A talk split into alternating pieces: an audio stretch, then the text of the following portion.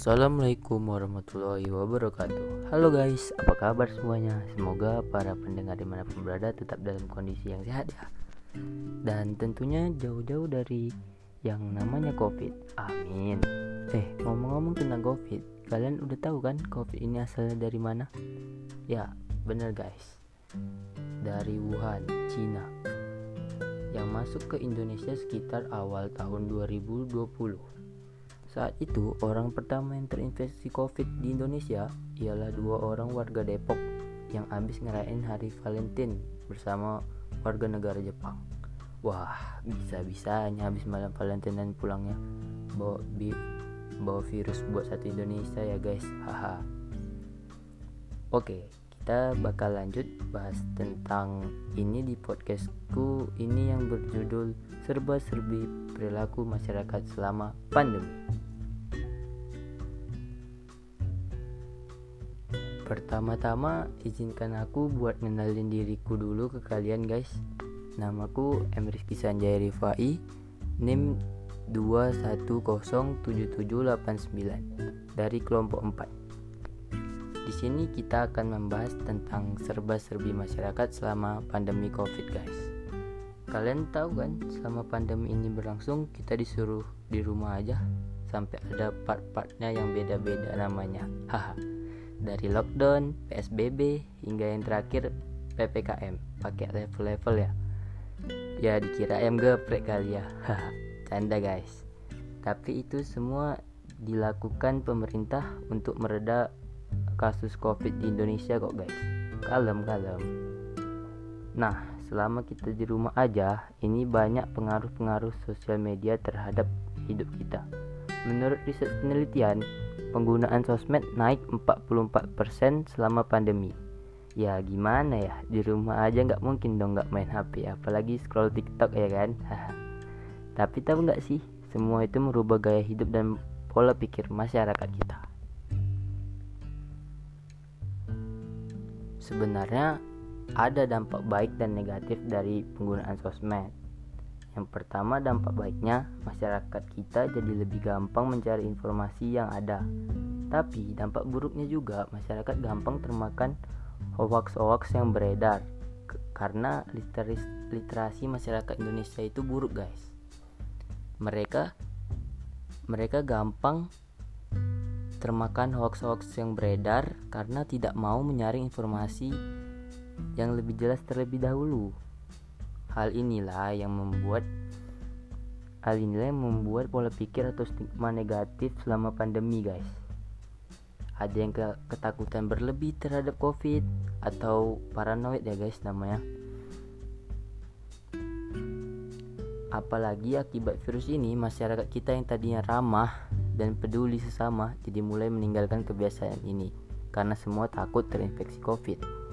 Padahal orang Indonesia itu ramah-ramah loh guys dan saling membantu. Oke, lanjut. Apalagi stigma masyarakat terhadap garda depan kita, guys. Selama Covid ini, siapa lagi kalau bukan semua tenaga medis yang bekerja di rumah sakit. Tapi sayang, guys, masih ada beberapa masyarakat kita yang justru bersikap mengintimidasi mereka. Bahkan ada beberapa kasus tenaga medis yang diusir dari daerahnya ting daerahnya tinggal karena warga yang takut terkena virus ini. Wah, kasihan ya, padahal mereka udah berjuang buat kita malah diginiin.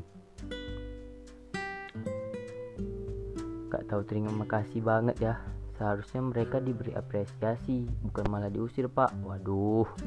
Next guys. Masyarakat kita juga mengecap orang-orang yang terkena COVID ini sebagai pembawa virus. Wah, sebenarnya nggak boleh gitu guys. Mereka yang terkena COVID harusnya disemangatin dan diapresiasi jika sudah sembuh, bukannya malah dihujat atau dicap pembawa virus. Oh ya, untuk para pendengar, ini ada informasi dikit nih.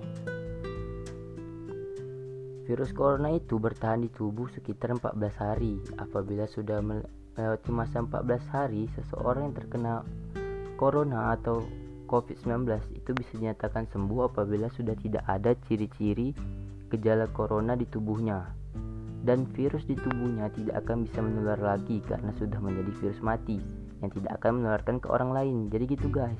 kalau kawan kita ada yang terkena covid disemangatin ya supaya cepat sembuh baru deh kalau udah lewat masa isolasi 14 hari aja nongkrong lagi hehe. Yang terakhir nih guys. Apa kalian masih ingat perilaku masyarakat kita di saat awal-awal pandemi? Yap. Panik buying. Semua masyarakat panik dan menumpuk barang-barang baku seperti kebutuhan pokok dan lain-lainnya.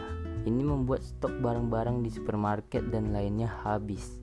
Sebenarnya menurutku gak usah deh kayak kayak begitu. Kasihan yang lain gak kebagian. Tapi ini semua dilakukan masyarakat kita di saat awal-awal pandemi aja kok. Sekarang mah udah enggak guys.